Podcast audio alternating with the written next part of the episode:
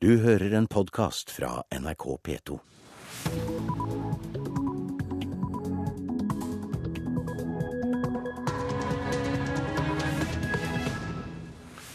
Riktig god morgen og velkommen til Nyhetsmorgen. Det er mandag 22. juli i dag. Dette er en dato som er risset inn i historien vår da vi ble rammet av terror for to år siden. Og det skal også prege Nyhetsmorgen denne mandagen. Programleder i dag det er Tor Albert Frøsland. Og Vi skal starte med at Politiets sikkerhetstjeneste, PST, frykter angrep mot politikere nå i valgkampen. En av årsakene er at de oppdager flere som truer politikere nå enn før 22.07. for to år siden. Etter terrorangrepene har flere politikere fått beskyttelse av livvakter. Jeg mener ikke er motstridende, men det er et, eh, et godt spørsmål. August 2011. Statsråd Jonas Gahr Støre er på skolebesøk og svarer på spørsmål like etter terrorangrepene. Men noe er annerledes. På hver side av salen står to dresskledte menn med propper i øret. Støre var en av flere statsråder som fikk egne livvakter etter terrorangrepet 22.07.2011. To år senere, like før en ny valgkamp, frykter PST-sjef Benedicte Bjørnland nye angrep på politikere i Norge. Vi er jo bekymret for våre myndighetspersoner og for våre politikere. Fordi de blir synligere i en valgkamp. De deltar hyppigere i debatter. Det er mer oppmerksomhet rundt de generelt. Og så ser vi at det trigger en aktivitet i den andre enden. Og det er fra enkeltpersoner som f.eks.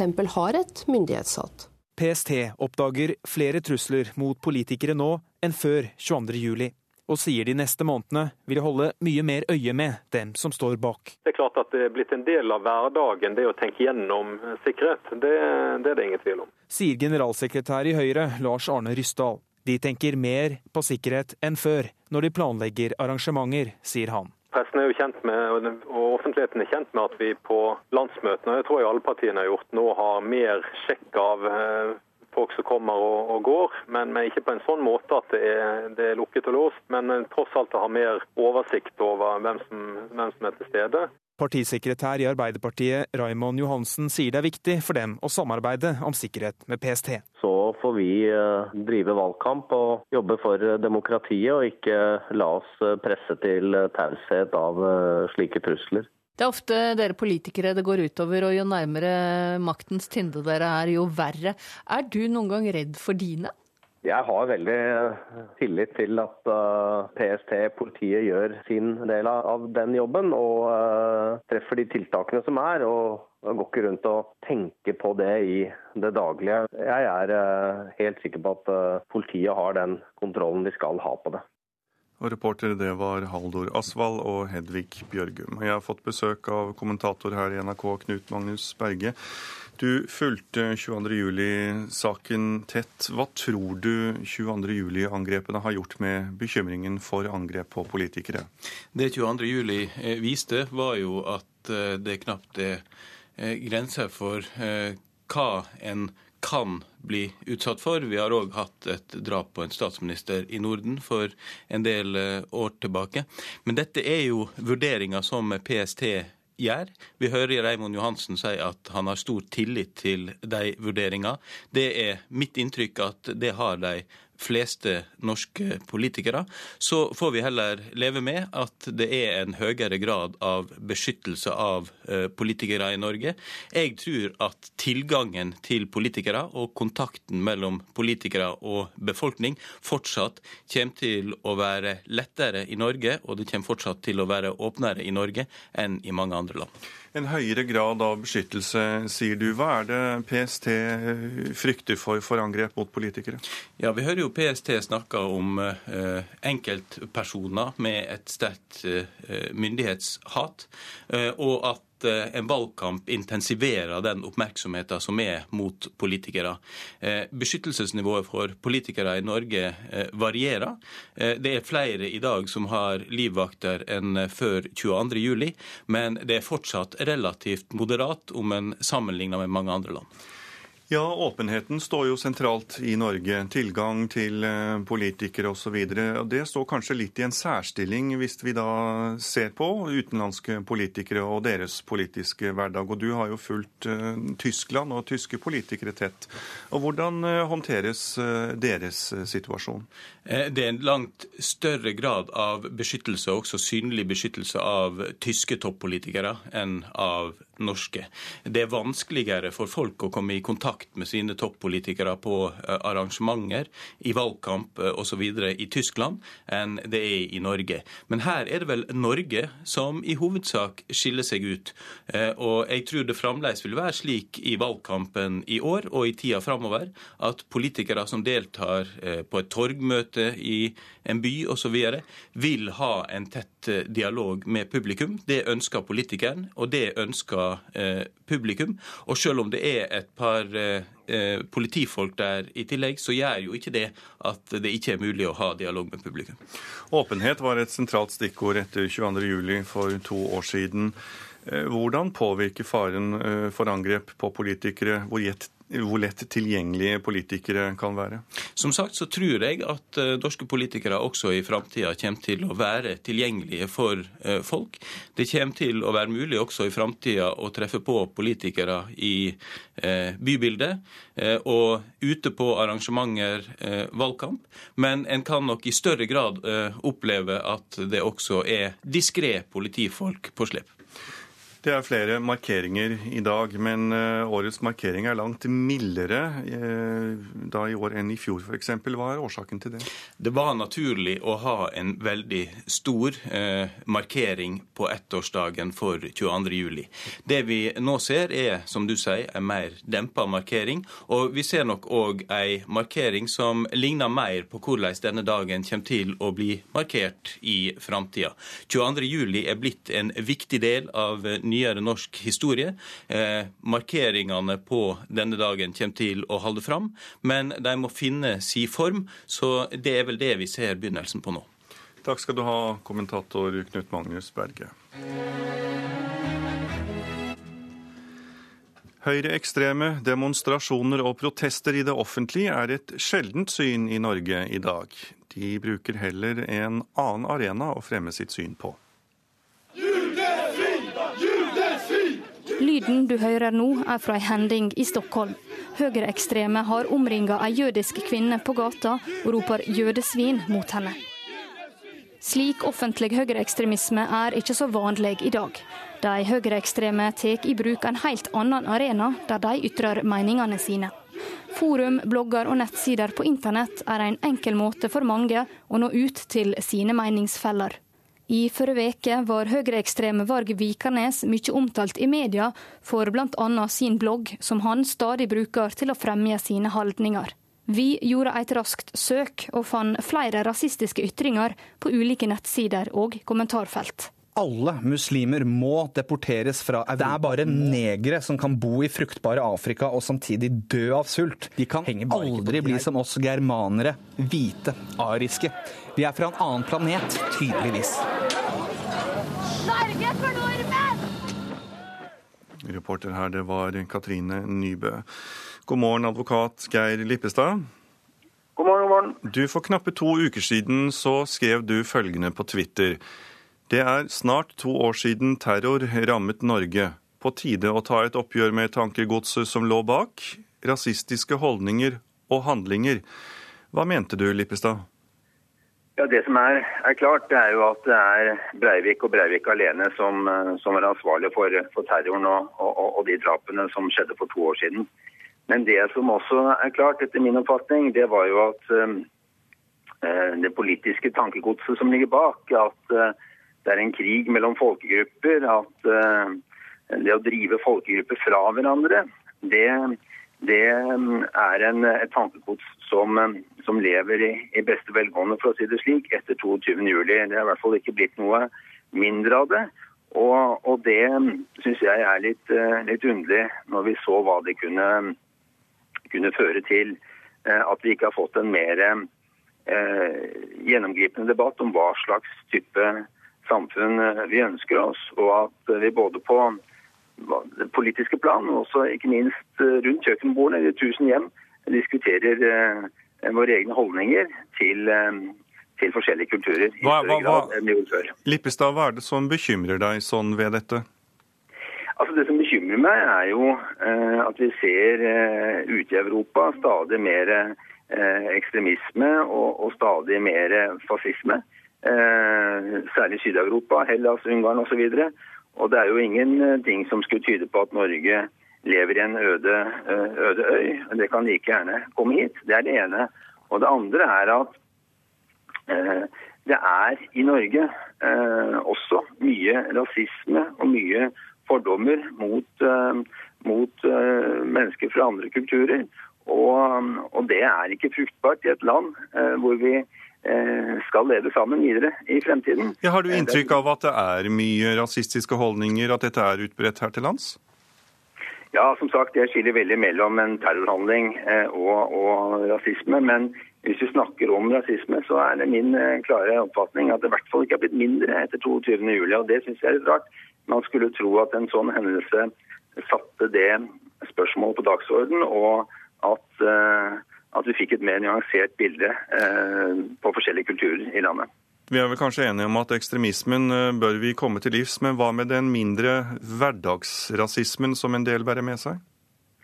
Jeg synes Det er nettopp det jeg tar til orde for, at det er der vi må begynne å diskutere hva, hva slags samfunn er det vi vil leve i.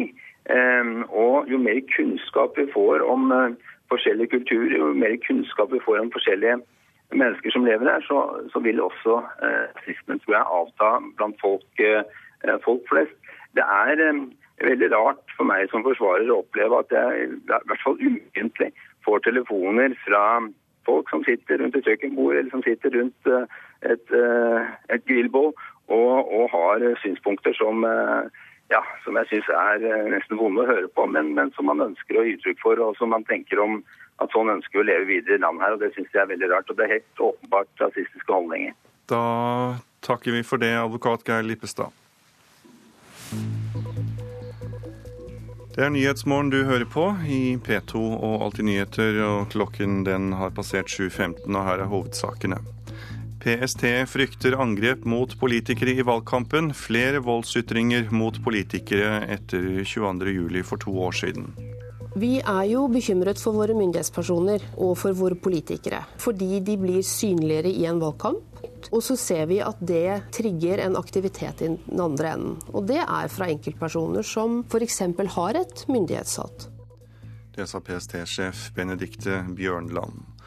Og Videre i sendingen så skal vi høre om den norske kvinnen som ble dømt for å ha anmeldt en voldtekt i Dubai. Hun skal møte statsadvokaten i landet i dag.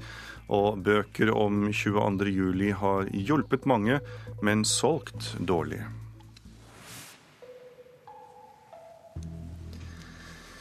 Om fire timer så skal Marte Dalelv møte statsadvokaten i Dubai. Hun fikk den overraskende beskjeden i går. Dalelv ble forrige uke dømt til 16 måneders fengsel for sex utenfor ekteskapet, etter at hun anmeldte en voldtekt i Dubai i mars i år. Jeg har med meg Midtøsten-korrespondent Sigurd Falkenberg Mikkelsen. Du var sammen med Marte Dalelv da hun fikk den uventede beskjeden i går. Er denne innkallingen et godt eller dårlig tegn? Det svaret får vi om et uh, par timer, da Marte Dalelv reiser til statsadvokaten for å høre hva de vil. Advokatene hennes var veldig usikre på hva dette betyr. De er også selv innkalt. De spekulerte i om det kunne ha noe med å gjøre med alle disse presseoppslagene som har vært rundt saken hennes. Om det var en formell innkalling for å høre om advokatene har lekket informasjon til pressen. Det er det ene. Men så hørte vi også den norske utenriksminister Espen Barth Eide som uh, slo an en mye mer positiv tone. Uh, som, som, mente at dette var en, en, et godt tegn og et uttrykk for en snarlig løsning. Hvordan har Marte Dalelv det nå? Hun var nok litt, litt bedre humør i går kveld enn hun var da hun fikk beskjeden. Da var hun tydelig preget av beskjeden og veldig usikker på hva dette betydde. Hun har jo vært utsatt for et voldsomt trykk etter at dommen falt. Og særlig da fra media etter hvert. sånn at Hun har gitt svært mange intervjuer, pluss da dette som, som nå kommer. sånn at, at hun, hun, var, hun, var, sliten da, da hun fikk beskjeden. Ja, Som du nevner, så har denne dommen uh, ført til en, en, voldsom internasjonal oppmerksomhet. Men hvordan uh, merkes dette i Dubai? Det har jo først og fremst vært, vært en internasjonal uh, sak med ikke, så, med ikke altfor mye lokal oppmerksomhet. Eh, men etter hvert så har også de de lokale avisene og nyhetsmediene eh, måte, oppdaget saken. Og det blir nok mer, mer lokal oppmerksomhet rundt, denne, rundt, det som har skjedd, særlig nå etter at hun skal tilbake til statsadvokaten i dag. Ja, Hvordan kommer denne dagen til å arte seg for henne? Det er vanskelig å si. Hun, eh, det kommer litt an på hva, som, hva, slags, eh, eh, hva slags beskjeder hun kommer til å få i dag, og hva som, hva som kommer til å foregå. Hun kommer til å reise til statsadvokaten med selvfølgelig sine egne forsvarsadvokater, men også med folk antagelig fra Den norske sjømannskirken hvor hun bor, og også med den norske ambassadøren kommer til å være til stede. Hun kommer fra, fra naboemiratet for, for å delta på denne høringen her i Dubai. Takk skal du ha, Midtøsten-korrespondent Sigurd Falkenberg Mikkelsen. Til Belgia nå, for der har folket feiret sin nye monark, kong Philip. Det var eh, markeringen i Brussel utover eh, kvelden i går, og kongen var med. Og der var også vår nye europakorrespondent Åse Marit Befring. Hvordan feiret Belgia sin nye konge? Ja, de feiret til eh, langt på kveld med både dans og musikk i parken like ved palasset. Og så var det da et eh, enormt fyrverkeri som avsluttet det hele. Eh, kong Philip og dronning Mathilde de ankom denne festen, spaserte gjennom og tok veldig mange hender og ble møtt med jubel og med nasjonalsang som ble spilt gjentatte ganger mens de gikk gjennom parken. Eh, og etterpå så gikk Philip opp på um, balkongen foran palasset, og der holdt han en um, en veldig følelsesladet uh, tale, eller i hvert fall en tale som ga uttrykk for at han var veldig takknemlig for at folk hadde deltatt i den, uh, denne dagen som da var så viktig som han. Uh, han er jo en, karakterisert som en veldig innadvendt mann, mye mer enn sin far som var veldig utadvendt og levende. så det er tydelig at han nå ønsker også å nå folket og vise at han også kan være en folkekonge. Hva er det belgiske medier i dag eh, kan fortelle om eh, abdikasjonen og innsettelsen av den nye kong Philip? Det er selvfølgelig mye, eh, og veldig splittende, egentlig. Men altså fordi at landene i seg selv er så splittet. Eh, så de, flamske, de største flamske avisene de har overskrifter som 'La oss være stolte av landet', eh, 'Dette var en historisk dag', veldig følelsesladet. Og så har de mer politiske overskrifter som 'Så mye tjener kongen'. Dette har jo vært en stor sak i Belgia, spesielt for de flamske partiene, at kongehuset koster så mye. 100 millioner kroner kommer den nye kongefamilien til å koste den belgiske staten i året. Eh, også overskrifter som statsministeren eh, vil gi kongen flere oppgaver. For også det er en, en sånn eh, konfliktsak som er mellom den fransktalende og nederlandsktalende eh, delen av eh, Belgia. At den fransktalende statsministeren gir kongen veldig mange, mye politisk innflytelse, som han da blir kritisert for. så er de opptatt av ja, jeg må spørre deg eh, også, Mait Befring. Hva er de store utfordringene for den nye kongen? Ja, De kommer jo i, på rekke og rad her nå fordi at eh, det går mot et valg neste år. De to siste gangene så har det blitt eh, politisk kaos eh, fordi at de ikke klarer å bli enige om en regjering. og Da er det kongens plikt å gå inn og rydde opp i det. Og Det som skjer nå er at han må gå inn, han må bli kjent med politikere, og han er nødt til å få tillit hos dem, slik at det kanskje blir mulig å bygge bro etter valget når det skal bli koalisjonsregjeringer. Takk skal du ha, europakorrespondent Åse Marit Befring. Nå skal vi ha sport. Det ble ingen norske etappeseiere i årets Tour de France. I går endte Alexander Kristoff på sjetteplass under den siste etappen til Paris. Tre nordmenn stilte til start, og ambisjonene var store. Men nordmennene drar tomhendt hjem. Jeg syns det har vært litt, grann, litt stang ut. Proffsyklist Gabriel Rask beskriver de norske rytternes prestasjoner i årets Tour de France. Det har ikke klaffet helt for nordmennene, blant dem Alexander Kristoff. Jeg kommer til å prøve å gå for etappeseier, så får vi se hvor høyt opp jeg kommer. Ambisjonene har vært store blant nordmennene, men Rask understreker hvor tøft det er å komme først over målstreken.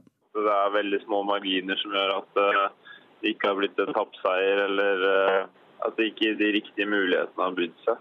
NRKs sykkelekspert og tidligere proffsyklist Dag Erik Pedersen mener prestasjonene har vært gode, men at Norges befolkning er sultne på etappeseier. Innsatsen i årets Tour de France har vært eh, veldig bra, men et Tour de France sett med norske øyne blir aldri en stor suksess hvis ikke vi får en norsk etappeseier. og Det har vi ikke fått i år. Vi har hatt annenplasser både med Alexander Kristoff og Edvard Boasson Hagen. Alexander Kristoff hadde mange gode plasseringer før den siste etappen i Paris, som endte med sjetteplass. Nordmannen håper på å komme sterkere tilbake til neste års Tour de France. Jeg håper å kjempe igjen neste år. Jeg kjempet jo i år òg, men det var ikke helt Jeg kjempet vel ikke helt om seieren, det var vel bare en god plassering. men... Eh, med én-to mann på slutten der, på siste kilometeren, så er det mulig, det tror jeg. Så jeg håper jeg kan vinne en etappe her i Tour France, så kanskje jeg er på sjanseløse. Reporter var Emil Gukild. Så skal du få en liten oversikt over det noen aviser har på forsiden i dag. Over en million av oss nordmenn er i faresonen, hevder VG på sin forside, og sikter til smertemedisinene Voltaren og Voltarol som kan føre til økt risiko for hjerneslag og hjerteinfarkt.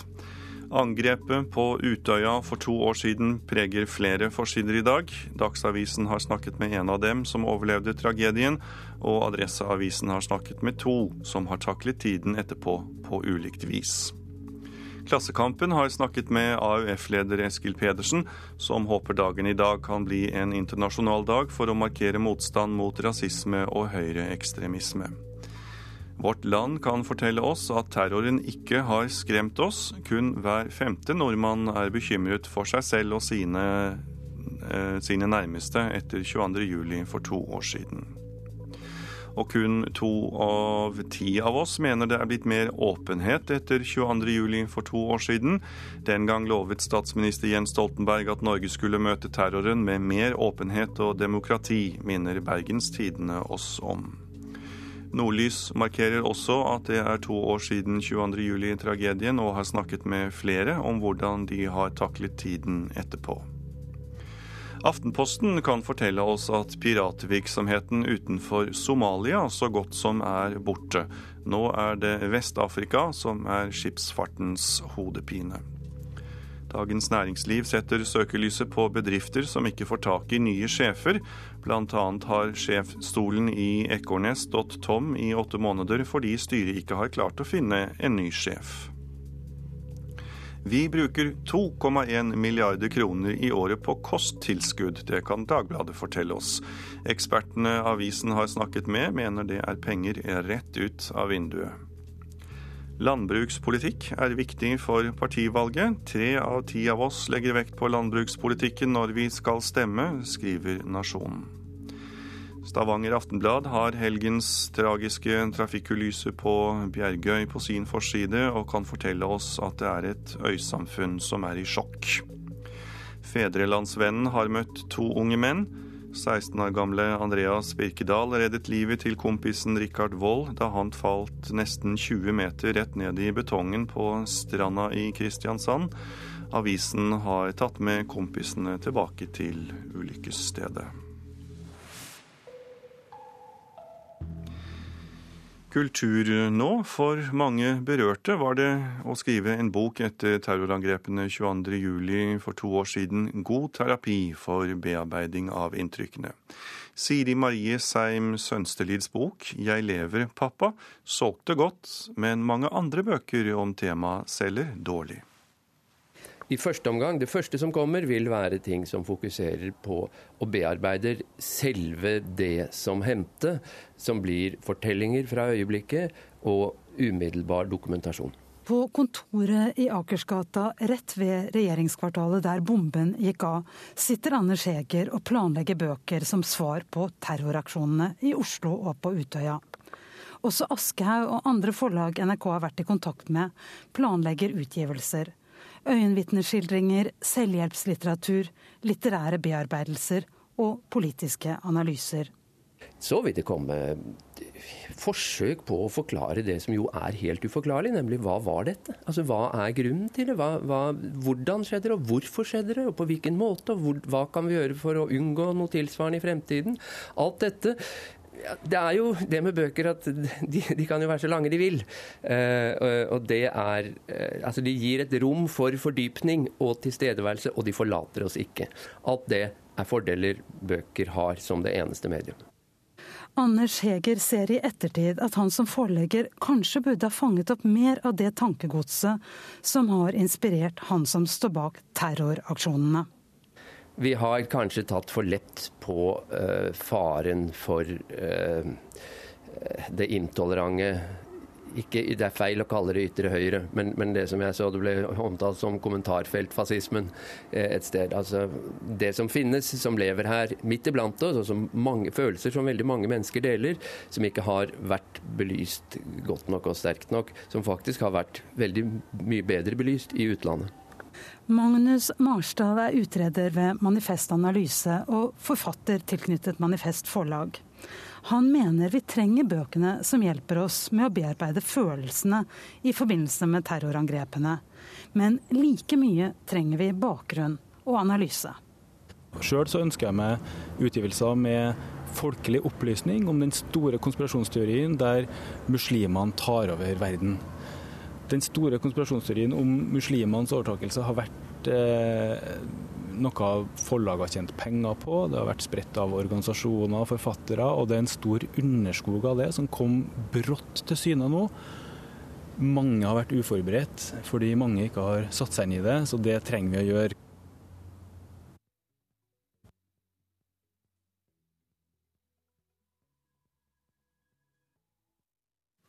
Og reporter her, det var Gro Lien Garbo. Det er straks klart for Dagsnytt med Turi Grønbekk. Politiet frykter angrep mot politikere i valgkampen. Truslene har blitt flere etter 22.07. Om under fire timer skal Marte Dalelv møte statsadvokaten i Dubai. Og detaljstyringen av politiet er ødeleggende, mener domstolsjef. Riktig god morgen, her er NRK Dagsnytt klokken 7.30. Politiets sikkerhetstjeneste frykter angrep mot politikere i valgkampen. En av årsakene er at de oppdager flere som truer politikerne nå enn før 22.07.2011. Flere politikere blir nå beskyttet av livvakter.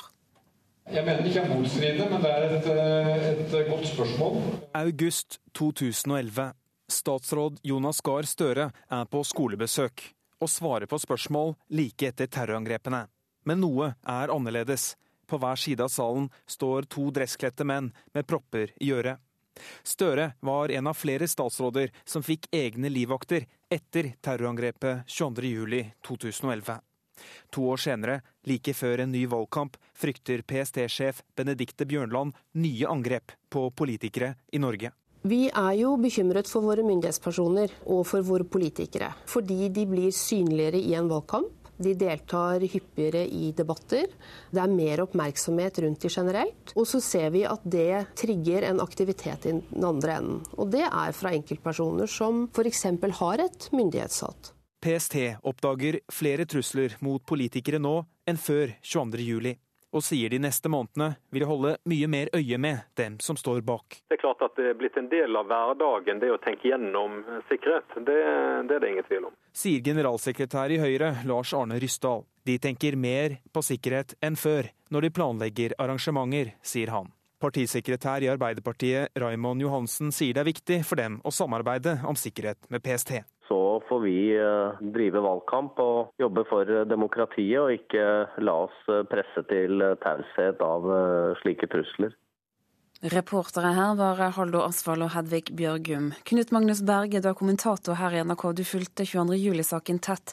Hva tror du angrepene har gjort med bekymringen for angrep på politikere? Det er klart 22. juli var en vekker, både når det gjelder trygging av institusjoner. Statsministerens kontor var jo det første målet som ble råka. Og når det gjelder trygging av politikere. Men jeg tror at det fremdeles kommer til å være en stor grad av åpenhet og tilgjengelighet i forholdet mellom politikere og eh, publikum i Norge.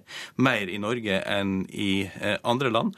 En vil fremdeles kunne treffe politikere i bybildet, på valgkamparrangementer, men altså kanskje i større grad enn før med eh, et par politifolk diskré til stede. I dag markeres toårsdagen for terrorangrepet, og det skjer over hele Norge. Hva blir forskjellen mellom det som skjer i år og hvordan det var i fjor? Det blir en mer eh, dempa eh, markering. Styresmaktene eh, er i mindre grad inne i bildet. Det var naturlig å ha en storstilt markering på ettårsdagen for 22.07. 22.07 er blitt en vesentlig del av nyere norsk historie, men det er naturlig òg med en mer dempa markering i år.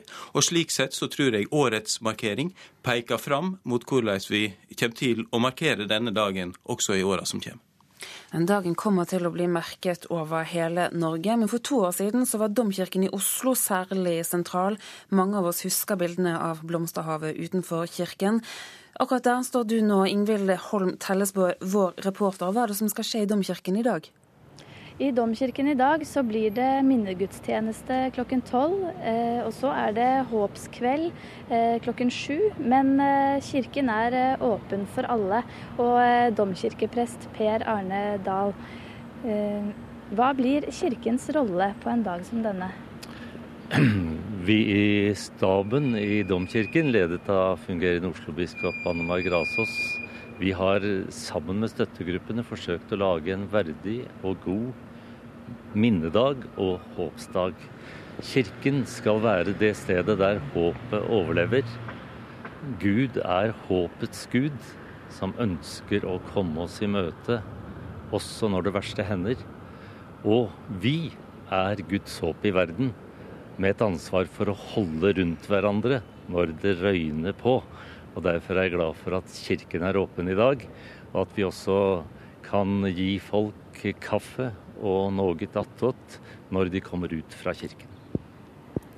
Åpent for alle i Oslo domkirke i dag. Og jeg sier takk til vår reporter Ingvild Holt Hellesbø, og også til prest Per Arne Dahl. Vi skal til Dubai nå, for det er kun eh, litt under to timer til Marte Dalelv skal møte statsadvokaten i landet. Innkallingen den kom i går. Forrige uke ble hun dømt til fengsel i 16 måneder etter at hun anmeldte voldtekt. Saken har vakt enorm oppmerksomhet over hele verden. En rekke sosiale medier flommer nå over av kritikk mot Dubai. Midtøsten-korrespondent Sigurd Falkenberg Mikkelsen, du er i Dubai. Hvordan blir saken oppfattet der du er?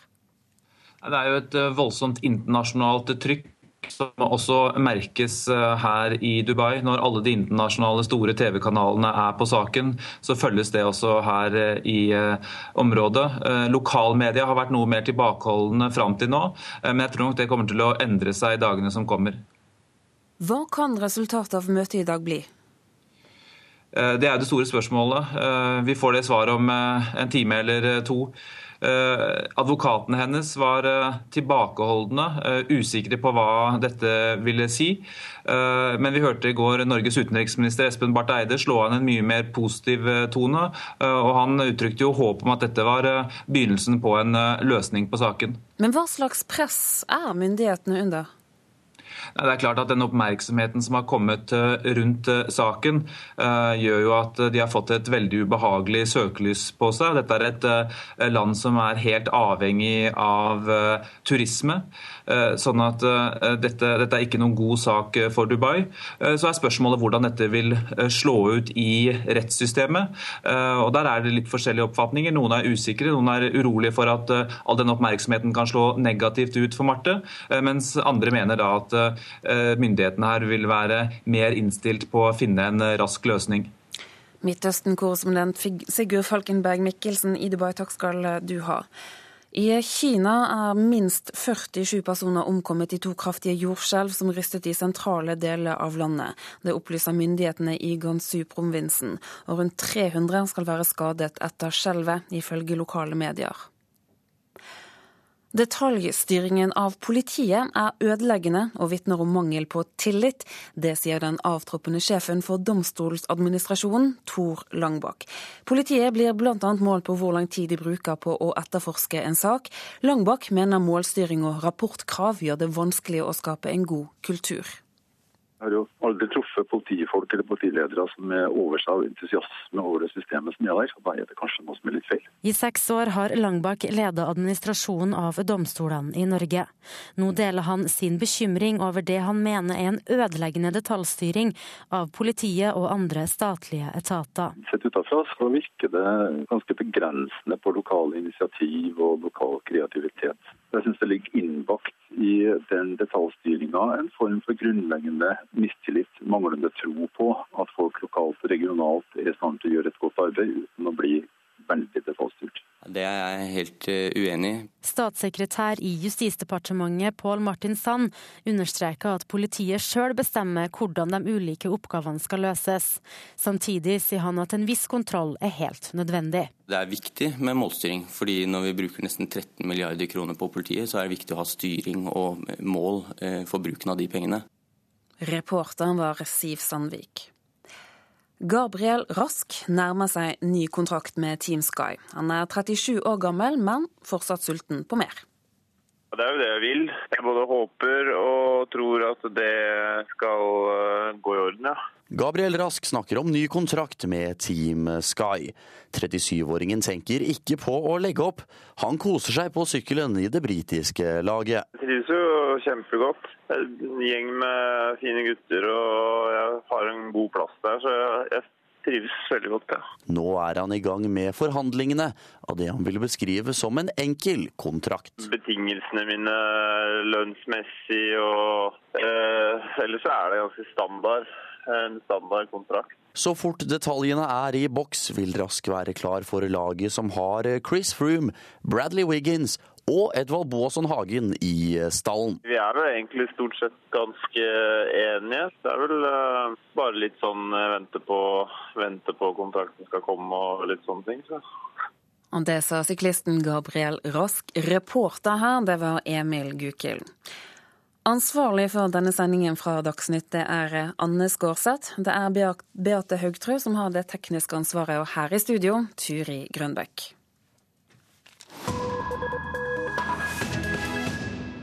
Og her i Nyhetsmorgen skal vi til Sør-Afrika, for landet oppgraderte sitt fra før imponerende veinett foran fotball-VM for tre år siden.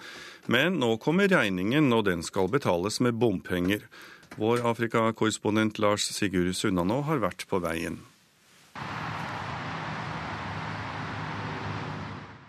De ble ferdige til verdensmesterskapet i fotball i Sør-Afrika. Nye, flotte og brede motorveier i den sentrale og viktige Huateng-provinsen, som rommer Johannesburg og hovedstaden Pretoria, og rundt 3,5 millioner registrerte kjøretøyer. Til sammen ble det bygget og rustet opp 190 km motorvei, frem til fotballen satte den afrikanske nasjonen på verdenskart for tre år siden. Prislappen lød på mer enn 10 milliarder norske kroner, og jubelen sto i taket da prosjektet kom i mål i tide før avspark. Men det varte likevel ikke lenge før jubelen stilnet hos bilistene som hadde tatt det nye motorveinettet i bruk. For utover høsten i 2010 kom det opp den ene automatiske bompengeporten etter den andre. I alt 45 på de 190 kilometerne. At det skulle betales for å kjøre på det nye motorveinettet, hadde ingen vært klar over før de elektroniske portene kom opp, sier Vein Dovenage, som leder en stadig større protestbevegelse mot innføringen av bompengene. They did not consult with society. Society did not have any input into the system. There are no alternatives, there are no alternative transport. Samfunnet ble ikke konsultert, og det har ikke hatt mulighet til å påvirke systemet, sier han. Det finnes ikke alternative transportmuligheter, og heller ikke veier som kan brukes uten å betale bompenger. Folk har rett og slett fått innføringen i halsen. Det har også Mosa Schauke sjåfør på hotellet der vi har tatt inn Johannesburg. The people that are rich, they comply with it. They don't have a problem with it. But the, for us who just drive and earn as little as as nothing and you know we, we, we can't win with it. Folk som er rike, godtar det. De har ikke noe problem med det.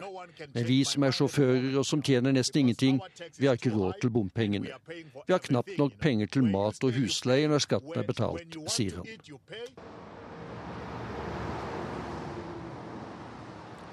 To og et halvt år etter at de 45 bompengestasjonene kom opp, suser bilene forbi uten at det betales. Systemet er ennå ikke tatt i bruk. Protestbevegelsen har saksøkt Vegvesenet med krav om at innføringen droppes. Sør-Afrikas høyesterett i Blomfontein avgjør i slutten av september om prosjektet er lovlig eller ikke. Uansett utfallet tror ikke Veien Dovinage at det avanserte elektroniske bompengesystemet i og rundt Pretoria og Johannesburg kommer til å virke. Altfor mange bilister i provinsene vil rett og slett la være å betale regningene når de måtte komme i posten. Og når noen ikke føyer seg, vil stadig flere følge etter og gjøre det så å si umulig for inkassoselskaper å drive inn pengene. På samme måte som i Portugal, som har innført et tilsvarende bompengesystem. Well, yes, in Portugal, where society is far more compliant than they are here in South Africa, um, they already have 20% non compliance, and that's growing. And even the uh, roads agency in Portugal. I Portugal, der folk er langt mer medgjørlige enn her i Sør-Afrika, er det allerede 20% av bilistene som lar være å betale. Tallet er voksende, og veimyndighetene i landet innrømmer nå at bompengesystemet ikke er bærekraftig. Det samme vil vi oppleve også her i Huateng, sier Wayne Dovenage. Hovedsakene her i Nyhetsmorgen denne mandag 22. juli. PST frykter angrep mot politikere i valgkampen. Flere voldsytringer mot politikere etter 22.07 for to år siden. Den norske kvinnen som ble dømt for å ha anmeldt en voldtekt i Dubai, skal møte statsadvokaten i landet senere i dag. Og bøker om 22.07 har hjulpet mange, men solgt dårlig. Og I dag er det altså to år siden bomben ved regjeringskvartalet og drapene på Utøya. Og i Politisk kvarter så har du, programleder Ingunn Solheim, fått besøk av statsminister Jens Stoltenberg. Han lover oss mer demokrati og mer åpenhet, men har vi heller fått en tydeligere ekstremisme og lavere valgdeltaking i stedet?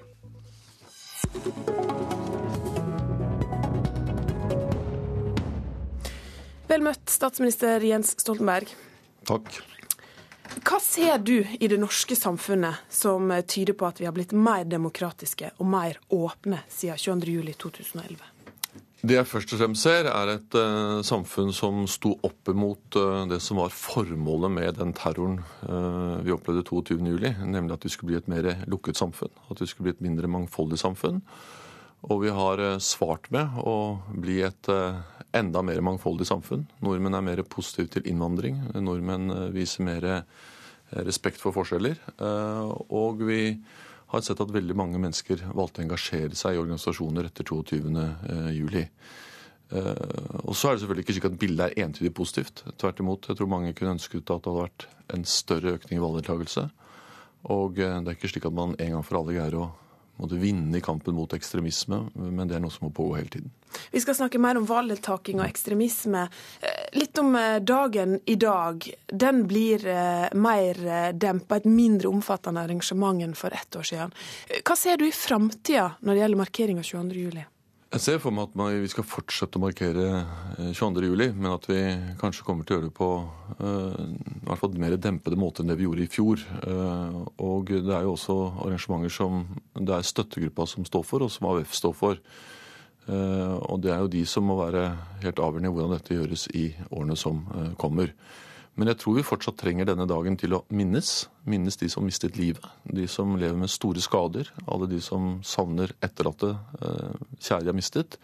Men også markere verdier om toleranse og mangfold. Og stå opp mot ekstreme standpunkter, holdninger, forherligelse av bruk av vold.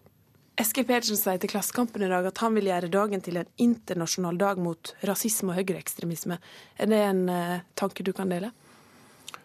Jeg mener i hvert fall at dagen er en dag som egner seg til å markere noen grunnleggende verdier eh, som handler om å ta avstand fra ekstremisme eh, uansett eh, farge. Som handler om å ta avstand fra vold, fra ytterliggående standpunkter. Og si ja til mangfold, si ja til toleranse. Noen av de mest grunnleggende verdiene det norske samfunnet bygger på. Om det skal bli en internasjonal dag, det er vel ikke noe vi avgjør helt alene. Men det er i hvert fall mange ute i verden som lagt merke til 22. juli, og vi får mye støtte og oppmerksomhet også fra andre land.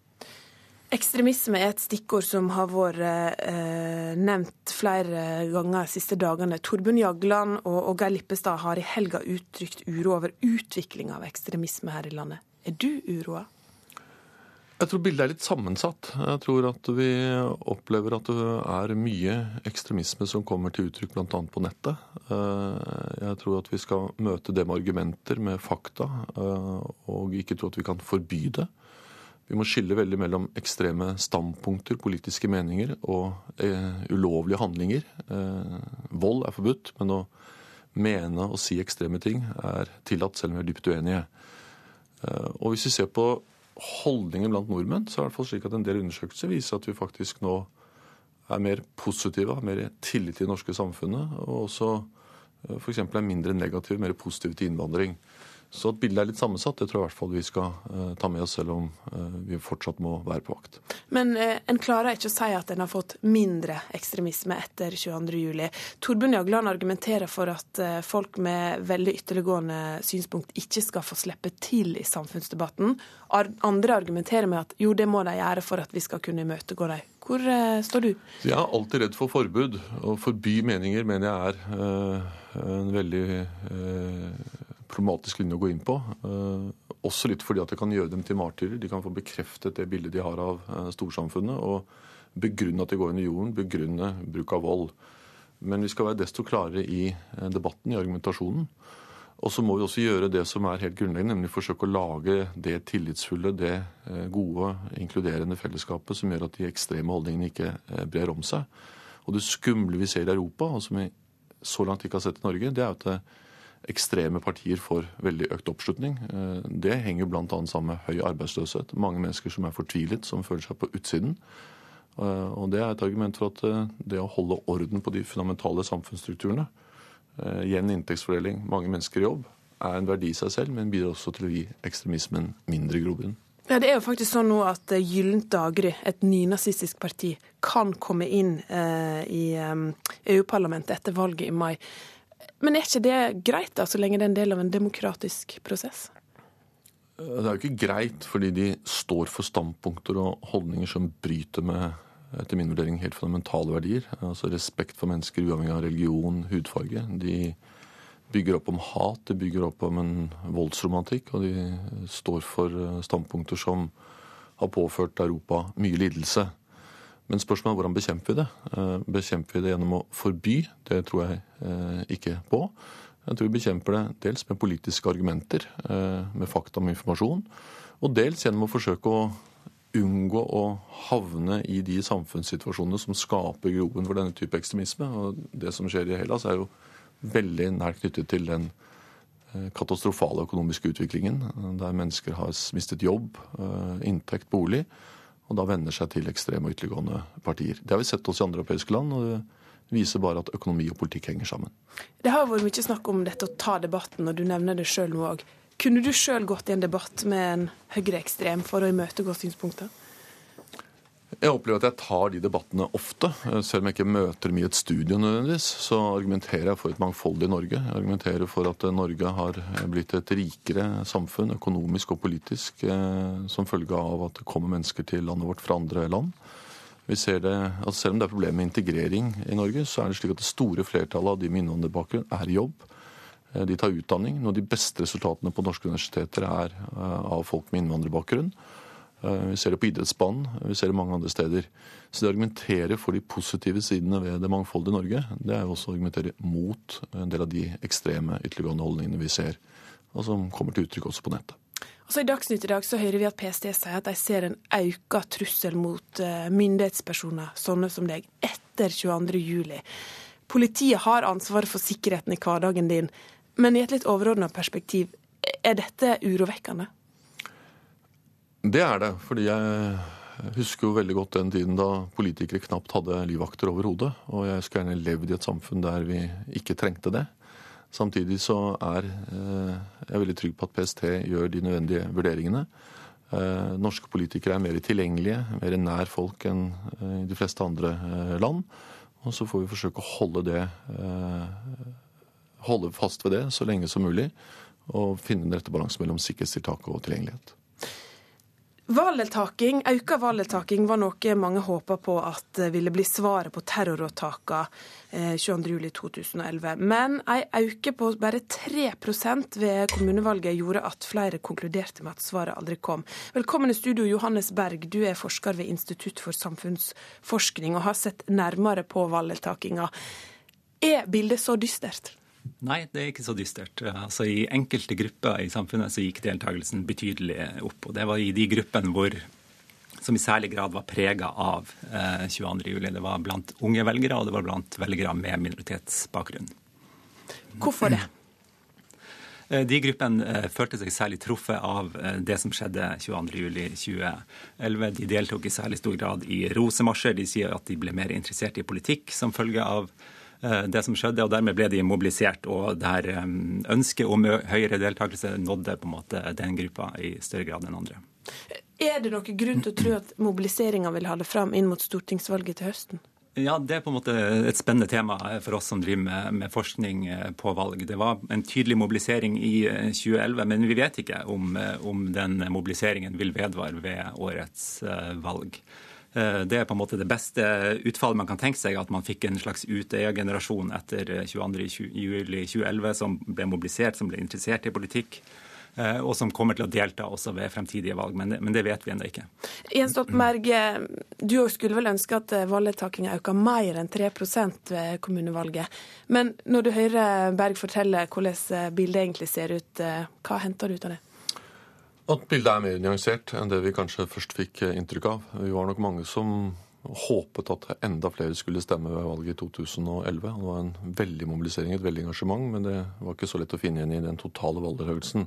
Men det er grunnleggende positivt at folk med minoritetsbakgrunn og ungdom hadde en veldig eh, sterk økning i valgdeltakelse.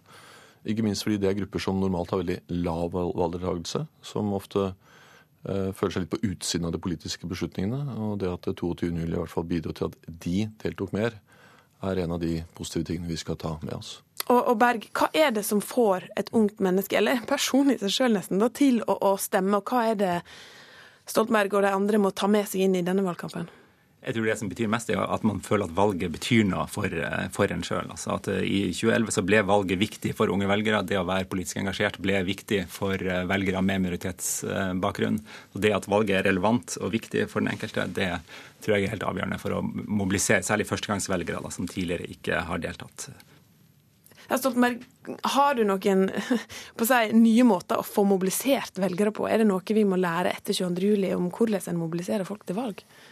Jeg eh, tror grunnleggende sett det handler om politisk budskap. Om det som her blir sagt om at eh, man må oppleve at valget spiller en rolle. Og da er det kanskje vår, eller er politikernes oppgave å forklare at det vi snakker om, eh, om økonomi, om utdanning, om helse- og sosialpolitikk, at det faktisk handler om folks hverdag. At politikk handler om å gjøre livene bedre for folk, om å forandre verden, og at det spiller en rolle. Det var det jeg tror folk opplevde 22.07. At de ordene har innhold. At demokrati, eh, deltakelsespolitikk faktisk har noe mening. Og at det derfor var det i hvert fall noen flere som deltok i eh, kommunevalget. Takk for at jeg kom i studio, statsminister Jens Stoltenberg og valgforsker Johannes Berg.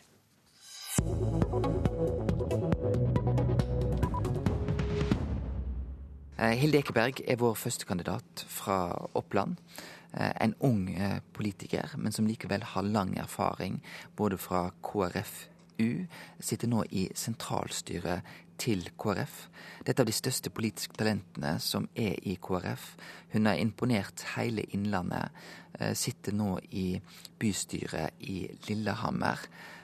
Har en bredde i sitt politiske engasjement, og er altså et av de største talentene jeg har sett i KrF. Velkommen i studio, Hilde Ekeberg. Tusen takk skal du ha. Knut Arild Hareide sier altså at du er det største talentet han har sett i KrF. Hva ville mora di ha sagt? Jeg tror mamma ville beskrevet meg som uh, viljesterk, uh, som ganske livatt, for hun pleier å klage på at det blir veldig stille når jeg drar. Uh, som rettferdig og ekstremt dårlig på støvtørking. Nå skal jeg ikke spørre om du vasker gulvet, hvor tid sist du vasker gulvet, men du er førstekandidat for Oppland Stemmer. på lista til stortingsvalget nå. Hva var det som fikk deg inn i politikken? I utgangspunktet så meldte jeg meg inn fordi jeg hadde et sterkt samfunnsengasjement. sånn at jeg tenkte at eh, man må jo på en måte bestemme seg, man må jo ta stilling for å kunne være en del av debatten. Men det som på en måte vippa meg helt inn i, i KrF, var at eh, en venn av mine foreldre spurte om jeg hadde lyst til å stå på kommunestyrelista til KrF i 2003. Og så sa jeg ja. Og så er du eh, inne for fullt når det gjelder engasjement, i alle fall. Mm. Hva er det slags saker som, som driver deg? Oh, det er mange, men uh, aller nærmest uh, hjerterota så tror jeg kanskje at, uh, at man finner skolepolitikk, utdanningspolitikk, likestilling, kamp mot vold i nære relasjoner, kamp for kvinner over hele verden. Vi har snakka om valgdeltaking før du kom i studio. Hva tenker du, hva må til, sett fra et ungt perspektiv? Jeg tenker at Valget er på en måte eksamen for demokratiet. Eh, og det er veldig mye som, eh, som, kan avgjøres i en valgkamp, men samtidig så er det litt sånn at når du møter opp på eksamen, så hjelper det ikke om du har kvessa alle blyantene og smurt en veldig bra matpakke hvis du ikke har gjort jobben i mellomtida. Eh, og jeg tror det er litt sånn for, for velgerne også, at de må tas på alvor mellom, eh, mellom, valget og valgkampen for at det skal være interessant å, å møte opp på eksamen. Og der har vi en, en stor utfordring. Og så har jeg merket at du skrev på Twitter om en statsråd at eh, vedkommende burde gå et klartalekurs. Mm. Eh, er det eh, noe du mener er et problem i dag? Jeg tror at, eh, at, det er ikke nødvendigvis sånn at vi gjør det med vilje, men vi politikere henger mye sammen med andre politikere. Vi snakker mye om politikk hele tiden, og da får man en språkbruk som vi kanskje ikke tenker og reflekterer over at blir veldig intern og veldig politisk. Så jeg, For min del så er det veldig viktig å tviholde på mine venner som overhodet ikke bryr seg om politikk, for å bare trene meg i å ikke bruke alle de der dumme politikerordene som skaper veldig avstand. Og helt til slutt, eh, eh, vurderer du, hvordan vurderer du muligheten din for å komme inn på Stortinget til høsten? Jeg har lest om eh, hvordan vi fordeler utjevningsmandater, og jeg har skjønt at dette forstår jeg ikke, så jeg driver valgkamp og sanker alle de stemmene jeg kan, og så venter jeg på opptellingen. Og vi ønsker lykke til. Takk for at du kom i studio, Hilde Ekeberg. Og med det er Politisk kvarter denne 22. juli slutt for i dag. Eh, vi kommer til å eh, sende minnemarkeringene på NRK1 utover dagen. Jeg takker for følget. Ingunn Solheim heter jeg. Du hører en podkast fra NRK P2.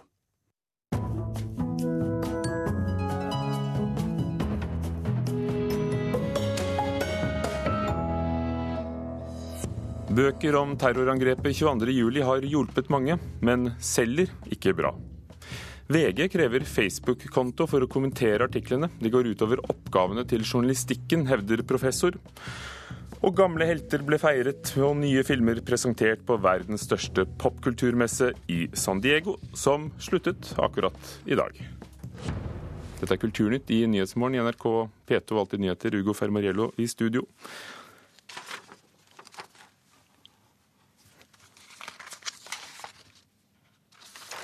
I dag er det altså 22. juli. Det er to år siden terrorangrepene.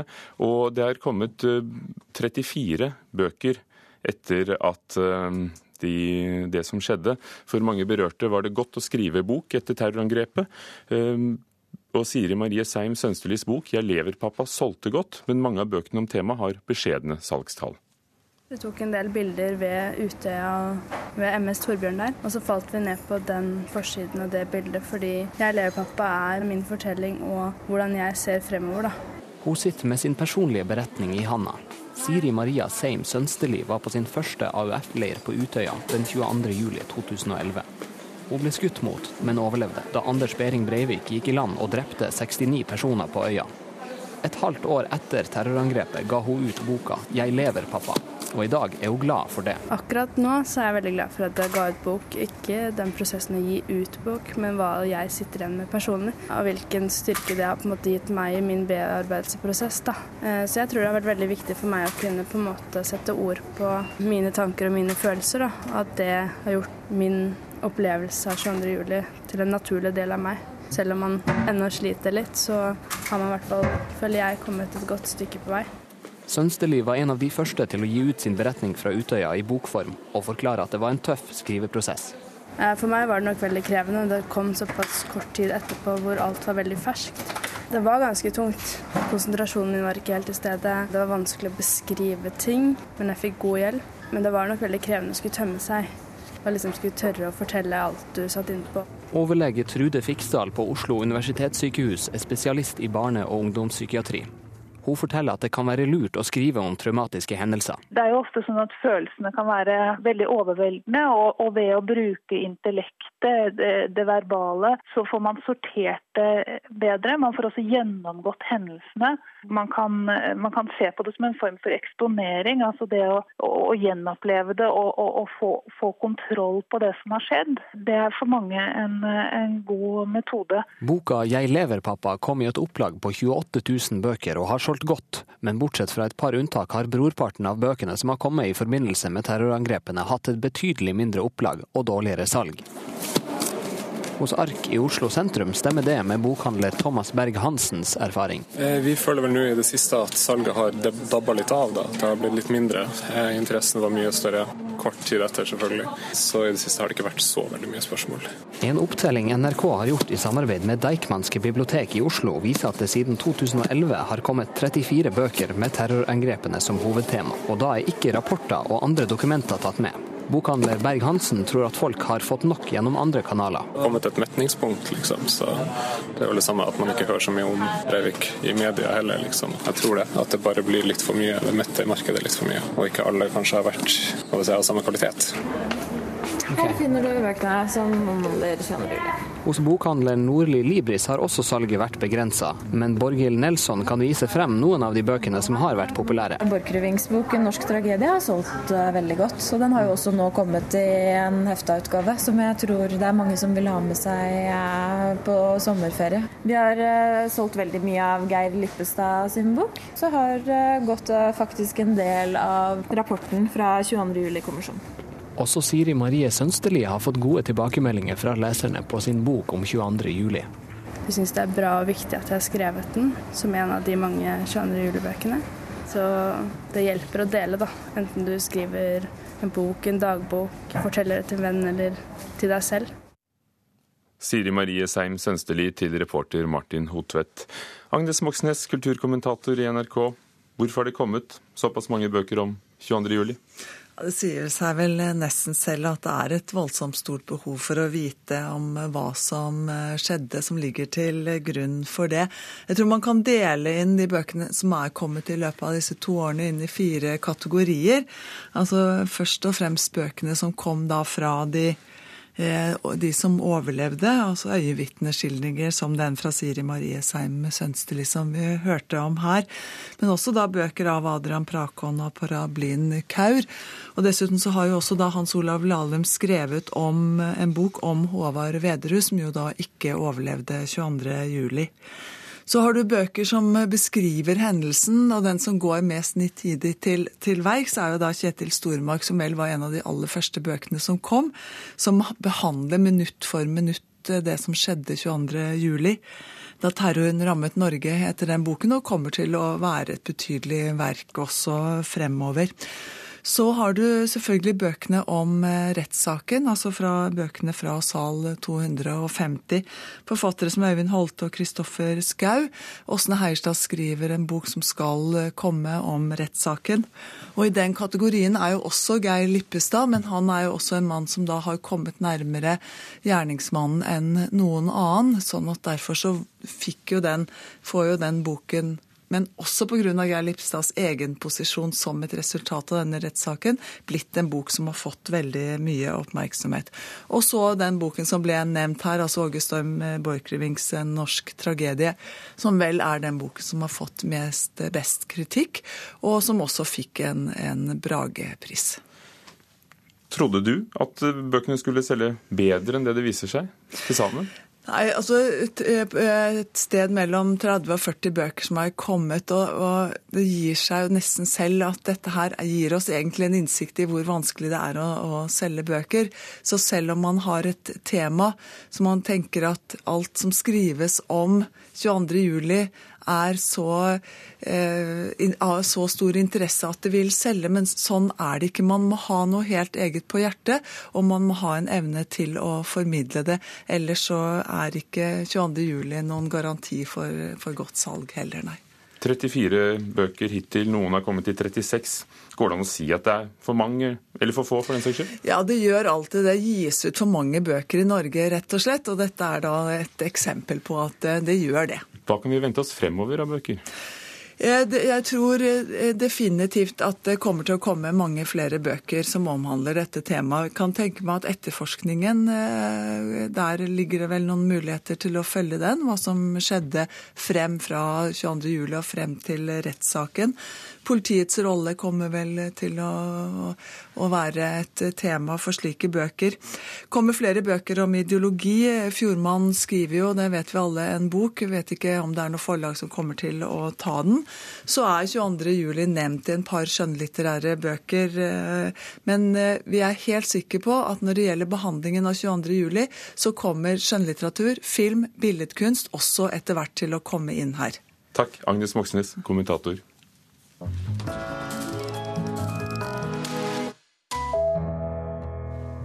De som vil kommentere artikler eller debatter på VGs sider, altså nettsider, må ha en Facebook-konto. Dette går utover journalistikkens oppgaver, mener en professor. 85 år gamle Colette Blom har nok med å holde styr på Facebook-kontoen sin, og har vanskeligheter med å ta del i debatten på VGs nettsider. Nå vil jeg se om det er noe spennende som eh, VG skriver om i dag. Colette Blom er på vei over stovegulvet til PC-en sin for å lese dagens nettaviser. Hvor er det? Skal vi se, Dagbladet. Klassekampen. Nå skal jeg prøve på, komme inn på VG. Uh, eh, her er jeg det. 85-åringen har også egen Facebook-konto, men har der nok med å holde styr på beskjeder fra familie og venner. På nettsida til avisa VG må Blom nytte Facebook-kontoen sin for å kommentere på debattinnlegg og artikler. Sjøl om Blom er tilhenger av Facebook, synes hun ikke at det bør være et kriterium for å ta del i debattene på nettsidene til avisa. Det syns jeg ikke er så klok av VG å, å forlange dette her. At man skal være på Facebook. Og for det?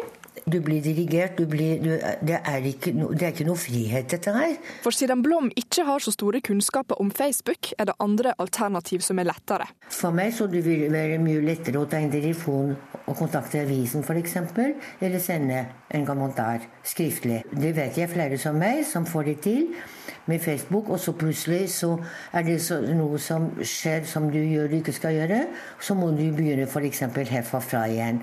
Og da, jeg, da mister jeg mye tid på det. Martin Engebretsen er professor i nordisk språkvitenskap ved Universitetet i Agder, og har doktorgrad i nettjournalistikk at en vil ta en Facebook-konto for å ta del i debattene på nettsidene til VG, mener Engebretsen går utover oppgavene til journalistikken. Hvis man gjør seg avhengig av innlogging på Facebook eh, i en sånn sammenheng, så er det opplagt at eh, en del mennesker er ikke på Facebook. Det kan ha enten praktiske årsaker eller prinsipielle årsaker for den saks skyld. Og dermed vil man uvegerlig innskrenke den bredden noe. Og det går jo utover noe av journalistikkens oppgave, da, vil jeg si. På hva måte da? Ja, Rett og slett eh, ved at, du, ved at du avgrenser deltakelsen noe. De menneskene som da ikke kan eller ikke vil være på Facebook og ha en konto på Facebook og, og gå via den, de vil jo da ikke kunne delta i den debatten. Øyvind Solstad er sjef for leserinvolvering og sosiale medier i VG. Jeg skal bare ut her, altså til høyre inn i redaksjonen.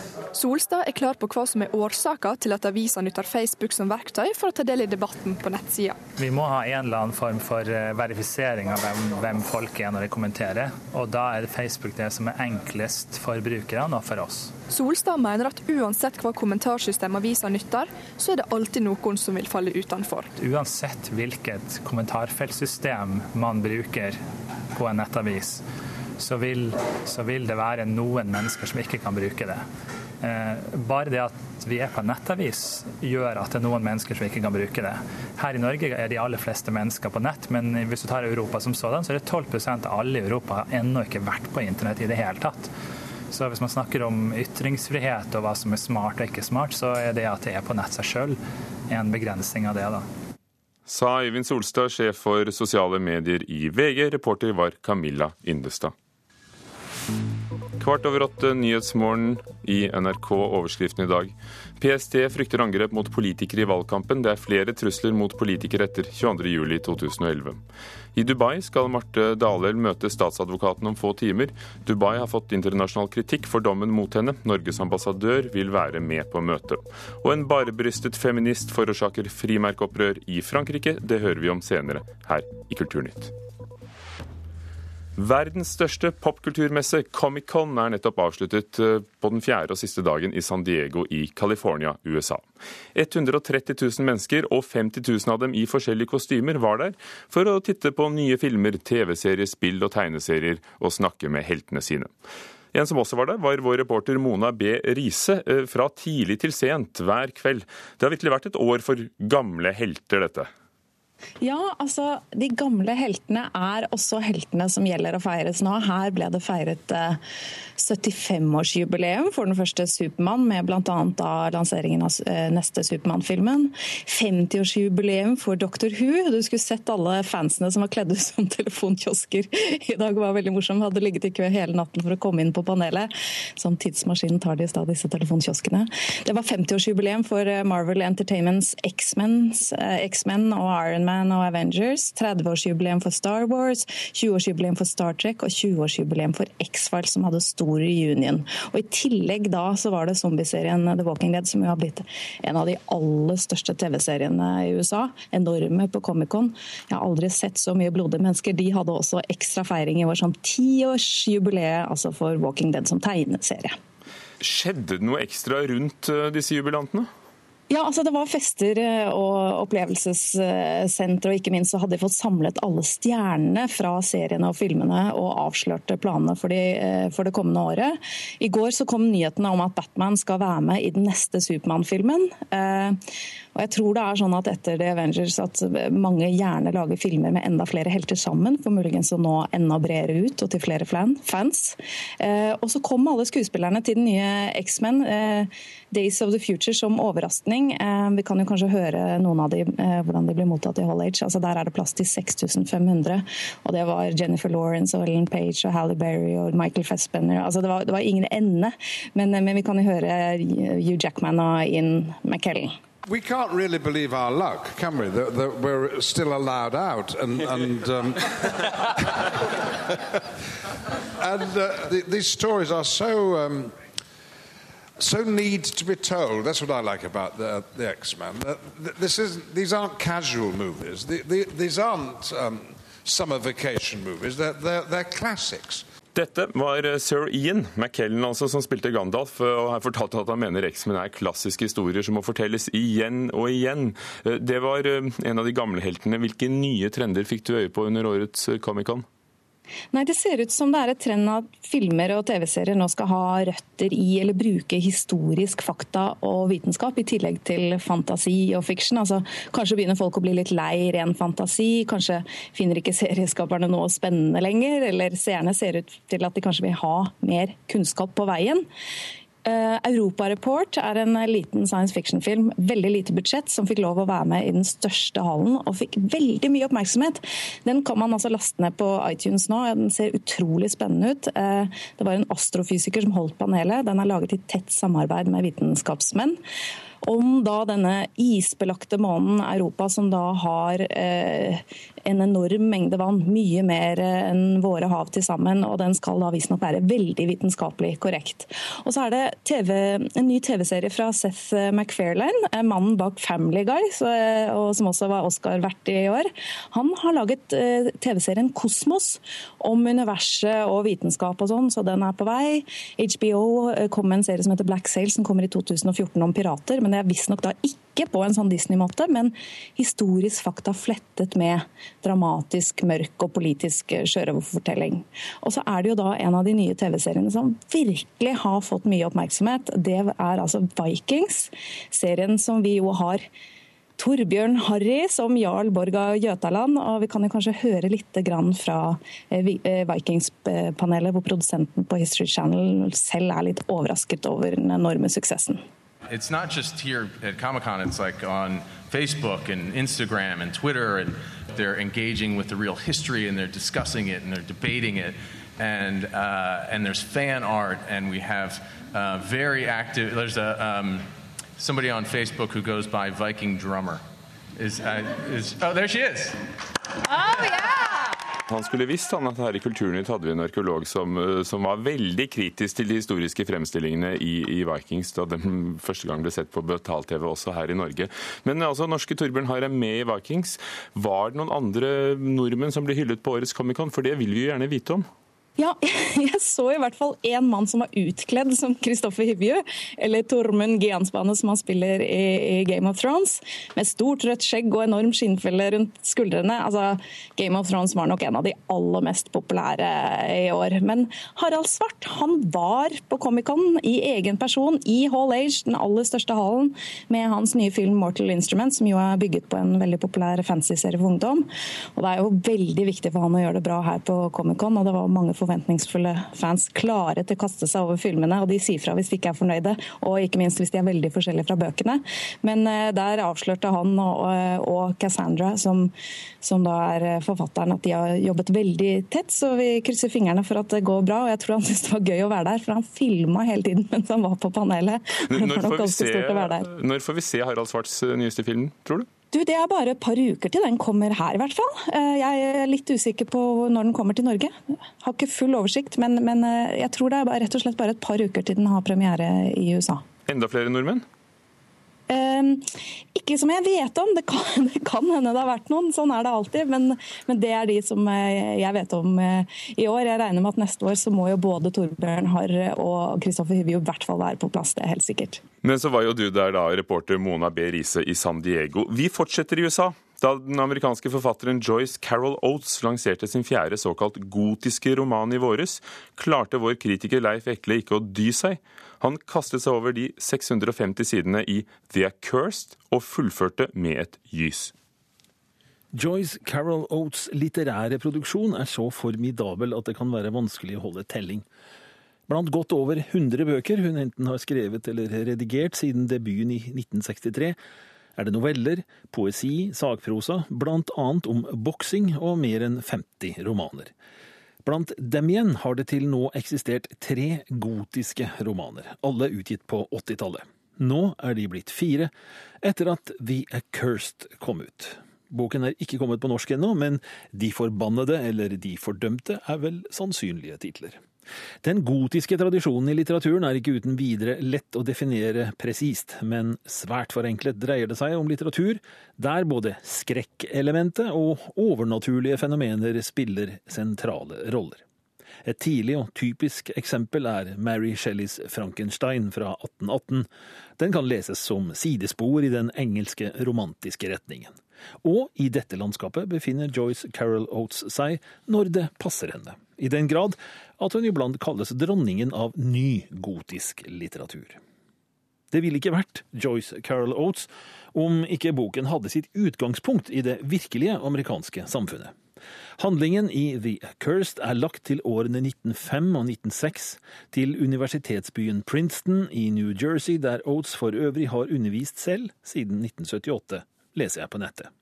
Princeton er en pen liten by, med rom for en mengde pene mennesker og familier som lever sine uklanderlige og presbyteriansk-kristelige liv, og behandler sitt svarte tjenerskap slik det sømmer seg. Dette er selvsagt det overflaten viser. Det hele starter idet en ung mann beklager seg overfor universitetets leder, Woodrow Wilson.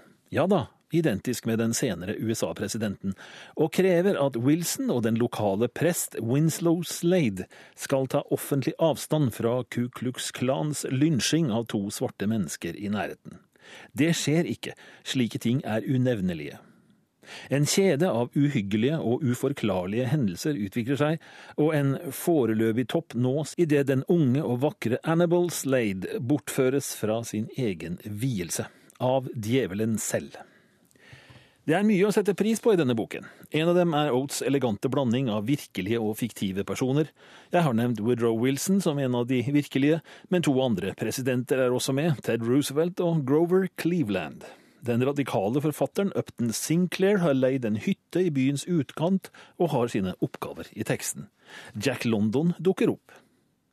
Et smart og elegant gjennomført fortellergrep kombinert med et språk som tilpasser seg innholdet på beundringsverdig vis, er andre årsaker til at boken er svært vellykket. Det slår meg mer enn én gang underveis at jeg nesten kan høre Mary Shelley gjennom Oates tekst. Viktigst er selvsagt at historien og leserens behov for en oppklaring holder hele veien.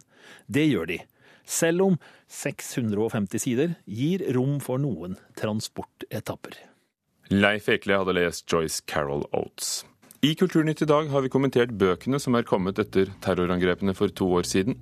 Og hørt både professor og leser kritisere VG for å kreve Facebook-konto for å kommentere på nettet. Teknisk ansvarlig Beate Haugtrø, produsent Ina Strøm og programleder Ugo Fermariello. Du hører på Nyhetsmorgen i NRK P2 Alltid nyheter. Før nyhetene noen ord om senere i dag.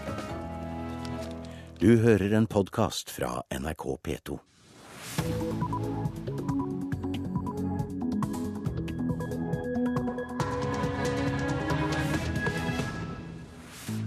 I løpet av den neste halvtimen skal du bl.a. få høre mer om dette her i Nyhetsmorgen.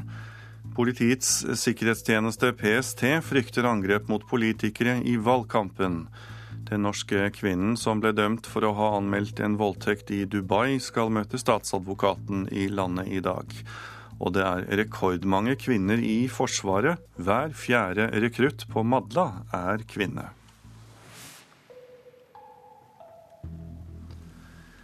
Men først skal du få høre at statsminister Jens Stoltenberg mener at det ikke har blitt mindre ekstremisme her i Norge. Som vi hørte tidligere i Morgennytt, så sa Geir Lippestad at han frykter en utvikling som vil føre til mer vold. Men Stoltenberg mener Norge har endret seg etter 22.07 ved å bli mer åpne for det flerkulturelle samfunnet. Og vi har eh, svart med å bli et eh, enda mer mangfoldig samfunn. Nordmenn er mer positive til innvandring. Nordmenn eh, viser mer respekt for forskjeller. Og vi har sett at veldig mange mennesker valgte å engasjere seg i organisasjoner etter 22.07. Og så er det selvfølgelig ikke slik at bildet er entydig positivt. Tvert imot. Jeg tror mange kunne ønsket at det hadde vært en større økning i valgdeltakelse. Og det er ikke slik at man en gang for alle greier å måtte vinne i kampen mot ekstremisme, men det er noe som må pågå hele tiden. Torbjørn Jagland og, og Geir Lippestad har i helga uttrykt uro over utvikling av ekstremisme her i landet. Er du uroa?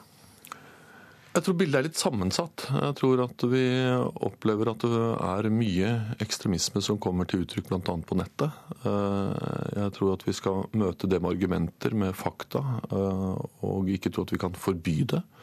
Vi må skille veldig mellom ekstreme standpunkter, politiske meninger, og eh, ulovlige handlinger. Eh, vold er forbudt, men å mene og si ekstreme ting er tillatt, selv om vi er dypt uenige. Eh, og hvis vi ser på holdninger blant nordmenn, så er det i hvert fall slik at en del undersøkelser viser at vi faktisk nå er mer positive, har mer tillit til det norske samfunnet, og også eh, f.eks. er mindre negative, mer positive til innvandring. Så at bildet er litt sammensatt, det tror jeg i hvert fall vi skal uh, ta med oss, selv om uh, vi fortsatt må være på vakt. Men uh, en klarer ikke å si at en har fått mindre ekstremisme etter 22.07. Torbjørn Jagland argumenterer for at folk med veldig ytterliggående synspunkt ikke skal få slippe til i samfunnsdebatten. Ar andre argumenterer med at jo, det må de gjøre for at vi skal kunne imøtegå dem. Hvor står du? Jeg er alltid redd for forbud. Å forby meninger mener jeg er en veldig problematisk linje å gå inn på. Eh, også litt fordi at det kan gjøre dem til martyrer. De kan få bekreftet det bildet de har av eh, storsamfunnet, og begrunne at de går under jorden, begrunne bruk av vold. Men vi skal være desto klarere i eh, debatten, i argumentasjonen. Kunne du sjøl gått i en debatt med en høyreekstrem for å imøtegå synspunkter? Jeg opplever at jeg tar de debattene ofte. Selv om jeg ikke møter dem i et studio nødvendigvis, så argumenterer jeg for et mangfoldig Norge. Jeg argumenterer for at Norge har blitt et rikere samfunn økonomisk og politisk eh, som følge av at det kommer mennesker til landet vårt fra andre land. Vi ser det, at Selv om det er problemer med integrering i Norge, så er det slik at det store flertallet av de med innvandrerbakgrunn er i jobb. Eh, de tar utdanning. Noen av de beste resultatene på norske universiteter er eh, av folk med innvandrerbakgrunn. Eh, vi ser det på idrettsbanen, vi ser det mange andre steder. Så det å argumentere for de positive sidene ved det mangfoldige Norge, det er jo også å argumentere mot en del av de ekstreme ytterliggående holdningene vi ser, og som kommer til uttrykk også på nettet. Og det var Ingunn Solheim som hadde intervjuet statsminister Jens Stoltenberg. Og toårsdagen for terrorangrepene 22.07 skal markeres flere steder i dag. Både ved regjeringskvartalet, på Utøya og under en minnegudstjeneste i Domkirken i Oslo klokken tolv. Og den skal du foreta, preses i Den norske kirke, Helga Haugland Byfuglin. Velkommen. Tusen takk. Hva er det du kommer til å snakke om i dag på denne dagen? Jeg vil eh, legge vekten på at eh, det dyrebare, menneskelivet og verdiene våre, eh, de er umistelige. Og det å miste sine dyrebare, det er å bli rammet på det dypeste. Og samtidig ved å holde frem at, eh, at det er mye også som eh, vil bli bevart hos de eh, pårørende som har levd gjennom dager med, med tung sorg. Så jeg vil løfte frem det enestående med ethvert menneske, og i forlengelsen av det også det enestående med de verdiene som var truet. Så vil jeg dele litt ved tidsperspektivet, som jo har vært uh, også fremme i eh, det som har vært aktualisert i forkant av 22.07. dette året. Eh, at eh, sorgens tid er veldig ulik. Det eneste vi vet, er at sorg tar tid. Vi vet ikke hvor lang tid, og vi vet ikke heller hvordan dagene er fylt for den enkelte som er i sorg. Så det vil jeg dvele ved. Og så vil jeg løfte frem håpet som i kirken er bærende. Både det håpet som vi kan Eh, få kraft av i tiden, men også at vi løfter blikket fremover mot det som skal komme. Det er noe som heter at tiden leger sår. Eh, det er i dag altså da to år siden. Eh, har du inntrykk av at mange har lagt dette bak seg? Fortellingene om de som var nærmest berørt, er veldig ulike. Og svært mange har jo gitt uttrykk for at de ser fremover.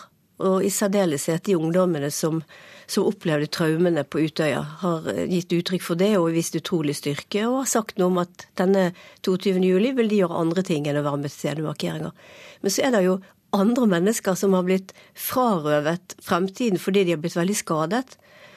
Og ikke mindre så er det de som har mistet noen av sine kjære, og som jo opplever en sorg på en annen måte. Um, tiden er en faktor når det gjelder sorgen, men sorg som er så dyp som å miste en av sine nærmeste og under disse omstendighetene, er jo ikke noe som man blir ferdig med, man bærer det med seg. Kan du kort til slutt si hvordan behovet er for å markere dagen? Det har vokst frem nedenfra. Det har vært støttegruppene som har tatt et initiativ, og som gjør at det faktisk er blitt eh, så stort som det har blitt. Og det har jeg dyp respekt for. Og så har det vært forberedt gjennom Domkirkens medarbeidere, og jeg skal også formidle håpet. Takk skal du ha, preses i Den norske kirke, Helga Haugland Byfuglien.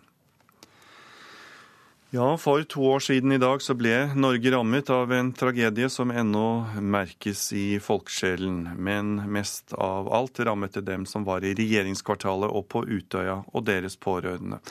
Mange sliter faktisk fremdeles med ettervirkningene i form av angst og konsentrasjonsvansker. Men likevel, livet går videre, også for Hanne Linaker fra Bardu. Vi møtte Hanne på hytta i, på Grytøya i Troms sammen med hundene. Buffy er på avveie, og Hanne Linaker er på leit, her ved hytta på Grytøya. I år søker hun ro her, etter opplevelsene for to år siden på Utøya. Det er veldig rolig. Du har ikke noe stress rundt deg, du har ikke noe ja, mas. Du gjør akkurat det du vil. Hun og broren Gunnar var på Utøya. Han ble skutt, drept av mannen som sjokkerte en hel verden. Hun klarte å redde seg unna. Ja, eh, idet gjerningsmannen kom over bakketoppen, så skøyt han ei jente. Og da skjønte vi at vi måtte springe. Da sto jeg med Gunnar, og han ropte, ropte løp. Alle sammen spring. Og da, eh, da sprang jeg. Eh, først så sklei jeg eh, i gjørma i teltleiren. Så sklei jeg gjennom noe telt. Og når jeg da kom meg på beina, så bare sprang jeg rett ut i skogen. Istedenfor å på en måte følge de andre ut på kjærestien. Og der ramla jeg og snubla i noe sånn tornekratt og landa. Og så tenkte jeg at her blir jeg. Det er ikke det er ikke noe vits å springe. Jeg har ingen plass å springe. Så her blir det. Og der, eh, der lå jeg i nesten tre timer. 20 meter fra Gunnar. Ja, ikke den gang. 15 meter. Han, eh, han, døde, han døde på Ullevål den 23., eh, for han, han pusta når han ble funnet av politiet. Men han var så skada at livet sto ikke til å redde. Han var klinisk død når han kom på, på sykehuset, men, men ble holdt, holdt kunstig i live, sånn at jeg og mamma og pappa kunne ta farvel. Som de fleste av Utøya-ofrene har hun slitt med opplevelsene, også på skolen. Eh, ja, etter forutsetningene så, så, gikk det bra. Men hendelsen har jo altså, har prega meg ekstremt mye. Den hendelsen var, altså, var, brutal på så veldig mange måter. ene er liksom de handlingene jeg er utsatt for, og den opplevelsen jeg har. Men det faktum at jeg mista broren min eh, på øya, har gjort at eh, jeg ikke klarer å se for meg at jeg skal dra tilbake på sommerleir. Jeg har, eh, jeg har slitt med det. Jobba, det har vært beinhard jobbing for å komme seg gjennom. I første perioden så var, det, altså, var jeg redd. Jeg visste hvordan vinduet jeg skulle hoppe ut av hvis det kom noen og skøyt på skolen. Og det med konsentrasjonsvansker eh, Klarte ikke å ja, henge med. Jeg var trøtt, var sliten. Eh, og det har prega eh, de siste to årene på videregående. Men jeg har fått utrolig mye hjelp fra, fra skolen, fra skoleledelse og, og lærere og kontaktlærere.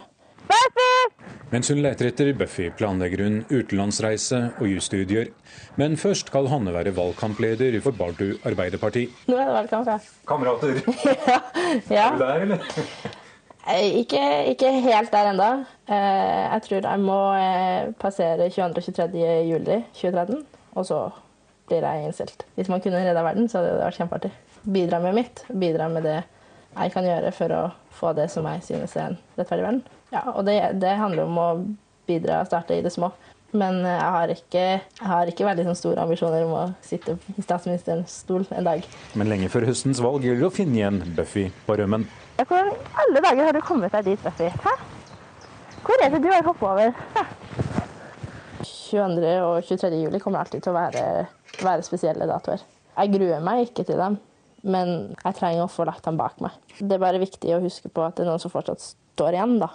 Ja, og viktig å, å ikke glemme det som skjedde, og ikke glemme de som døde den dagen. Det var reporter Nils Meren som hadde møtt Hanne Linaker på hytta ute på Grytøya. Nå om Politiets sikkerhetstjeneste, for PST frykter angrep mot politikere i valgkampen. En av årsakene er at de oppdager flere som truer politikere nå enn før 22.07. for to år siden. Etter terrorangrepene har flere politikere fått beskyttelse av livvakter. Jeg mener det ikke er motstridende, men det er et, eh, et godt spørsmål. August 2011. Statsråd Jonas Gahr Støre er på skolebesøk og svarer på spørsmål like etter terrorangrepene. Men noe er annerledes. På hver side av salen står to dresskledte menn med propper i øret. Støre var en av flere statsråder som fikk egne livvakter etter terrorangrepet 22.07.2011. To år senere, like før en ny valgkamp, frykter PST-sjef Benedikte Bjørnland nye angrep på politikere i Norge. Vi er jo bekymret for våre myndighetspersoner og for våre politikere, fordi de blir synligere i en valgkamp. De deltar hyppigere i debatter. Det er mer oppmerksomhet rundt de generelt. Og så ser vi at det trigger en aktivitet i den andre enden. Og det er fra enkeltpersoner som f.eks.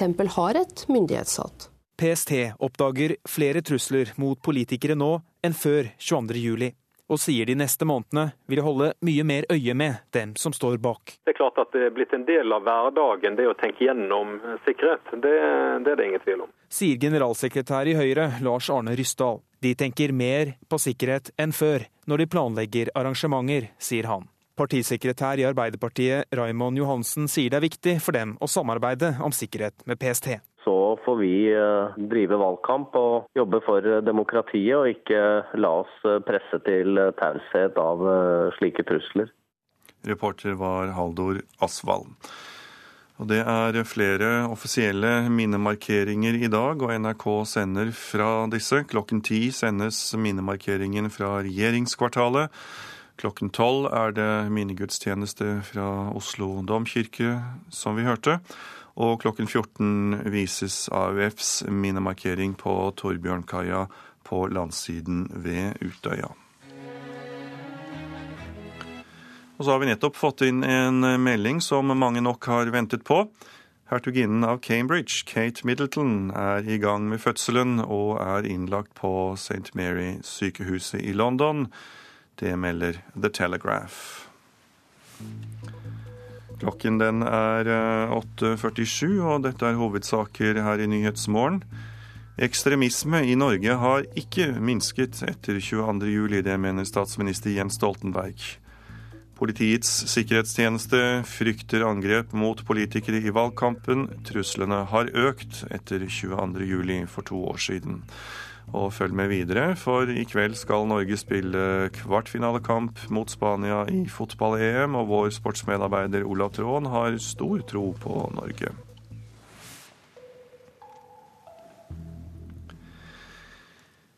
I dag skal Marte Dalelv møte statsadvokaten i Dubai. Hun ble i forrige uke dømt til 16 måneders fengsel for sex utenfor ekteskapet etter at hun anmeldte en voldtekt. Det er fremdeles uklart hva innkallelsen betyr, men eh, utenriksminister Espen Barth Eide tror det kan være positivt. Midtøsten-korrespondent Sigurd Falkenberg Mikkelsen var sammen med Dale Elv da hun fikk beskjeden om at hun skal møte statsadvokaten i dag. Hun eh, var nok litt, eh, litt, bedre humør eh, i går kveld enn hun var da hun fikk beskjeden. Da var hun tydelig preget av beskjeden og veldig usikker på hva dette betydde. Hun har jo vært utsatt for et voldsomt trykk etter at dommen falt. Og særlig da fra media etter hvert. sånn at Hun har gitt svært mange intervjuer, pluss da dette som, som nå kommer. Sånn at, at hun, hun, var, hun, var, sliten da, da hun fikk beskjeden. I kveld er det altså duket for kvartfinale, der Norge møter Spania i fotball-EM for kvinner. Og sportsmedarbeider Olav Tråen, velkommen. Hva kan vi vente oss i kveld? Jeg tror Norge har veldig gode sjanser til å vinne og avansere til en semifinale, som da blir mot enten Danmark eller Frankrike torsdag kveld. Dette er jo Norges fjerde strake semifinale i et europamesterskap for kvinner. Norge har vært med å dominere denne delen av fotballen i en årrekke. Vi har en god keeper, et solid, organisert forsvar. Det har vært fremgang under hele turneringen etter noe motgang i forkant av EM. Så dette bør kunne gå veien. Ja, Det høres bra ut, men hva vet vi nå om våre motstandere, det spanske laget? Ja, Det er jo litt interessant, fordi Spania har jo briljert og imponert en hel verden med sitt herrelandslag, som jo har vært i toppen i en årrekke. Og disse jentene spiller litt på samme uh, måte. De liker å holde ballen i laget, de har god uh, teknikk, og uh, de har en kjempebra spiss i Buket, som spiller i den svenske ligaen og øser inn mål. Men de er også litt naive i måten de spiller på, slik at her er det muligheter for Norge, når de mister ballen, til å kontre det i senk, og også på noen frispark og cornere. I går gikk de to første kvartfinalene, der Tyskland og Sverige gikk videre. Og de skal nå møtes i den ene semifinalen. De møtes eh, onsdag kveld i Gøteborg, og, det som er så morsomt med dette mesterskapet, er den entusiasme det er i Sverige. Det er tusenvis av mennesker på alle kampene. Sveriges eh, oppgjør er hele tiden utsolgt. Media dekker dette her på en helt annen måte enn i Norge. Og Sverige er et av de aller, aller beste lagene i mesterskapet. Slo Island i går 4-0. Så jeg tror de har eh, muligheter til å beseire også Tyskland, som er svakere i år enn tidligere. De bygger opp et nytt lag. Ja, de har overrasket litt. Ja, ja de har det, fordi de tapte jo mot Norge. Og i går vant de 1-0 mot Italia. Og det var bare så vidt eh, båten holdt, for å bruke det bildet. Og det er et ungt lag som nå kommer til å bli verdensledende etter hvert, men som ikke holder det høye nivået akkurat nå. Så Sverige tror jeg vinner semifinalen. Takk skal du ha, Ola Tråen. Kampen kan du se på NRK TV eller høre den på P1 når kampen starter klokken 18. Da skal vi titte litt på det som står på noen uh, forsider av avisene. Over en million av oss nordmenn vi er i faresonen, hevder VG, og sikter til smertemedisinene Voltaren og Voltarol, som kan føre til økt risiko for hjerneslag og hjerteinfarkt. Angrepet på Utøya for to år siden preger flere avisforsider i dag. Dagsavisen har snakket med en av dem som overlevde tragedien, og Adresseavisen har snakket med to som har taklet tiden etterpå på ulikt vis. Klassekampen har snakket med AUF-leder Eskil Pedersen, som håper dagen i dag kan bli en internasjonal dag for å markere motstand mot rasisme og høyreekstremisme. Vårt Land kan fortelle oss at terroren ikke har skremt oss. Kun hver femte nordmann er bekymret for seg selv og sine nærmeste etter 22.07 for to år siden og kun to av ti av oss mener det er blitt mer åpenhet etter 22.07 for to år siden. Den gang lovet statsminister Jens Stoltenberg at Norge skulle møte terroren med mer åpenhet og demokrati. Det minner Bergens Tidende oss om. Nordlys markerer også at det er to år siden 22.07-tragedien, og har snakket med flere om hvordan de har taklet tiden etterpå. Aftenposten kan fortelle oss at piratvirksomhet utenfor Somalia så godt som er borte. Nå er det Vest-Afrika som er skipsfartens hodepine.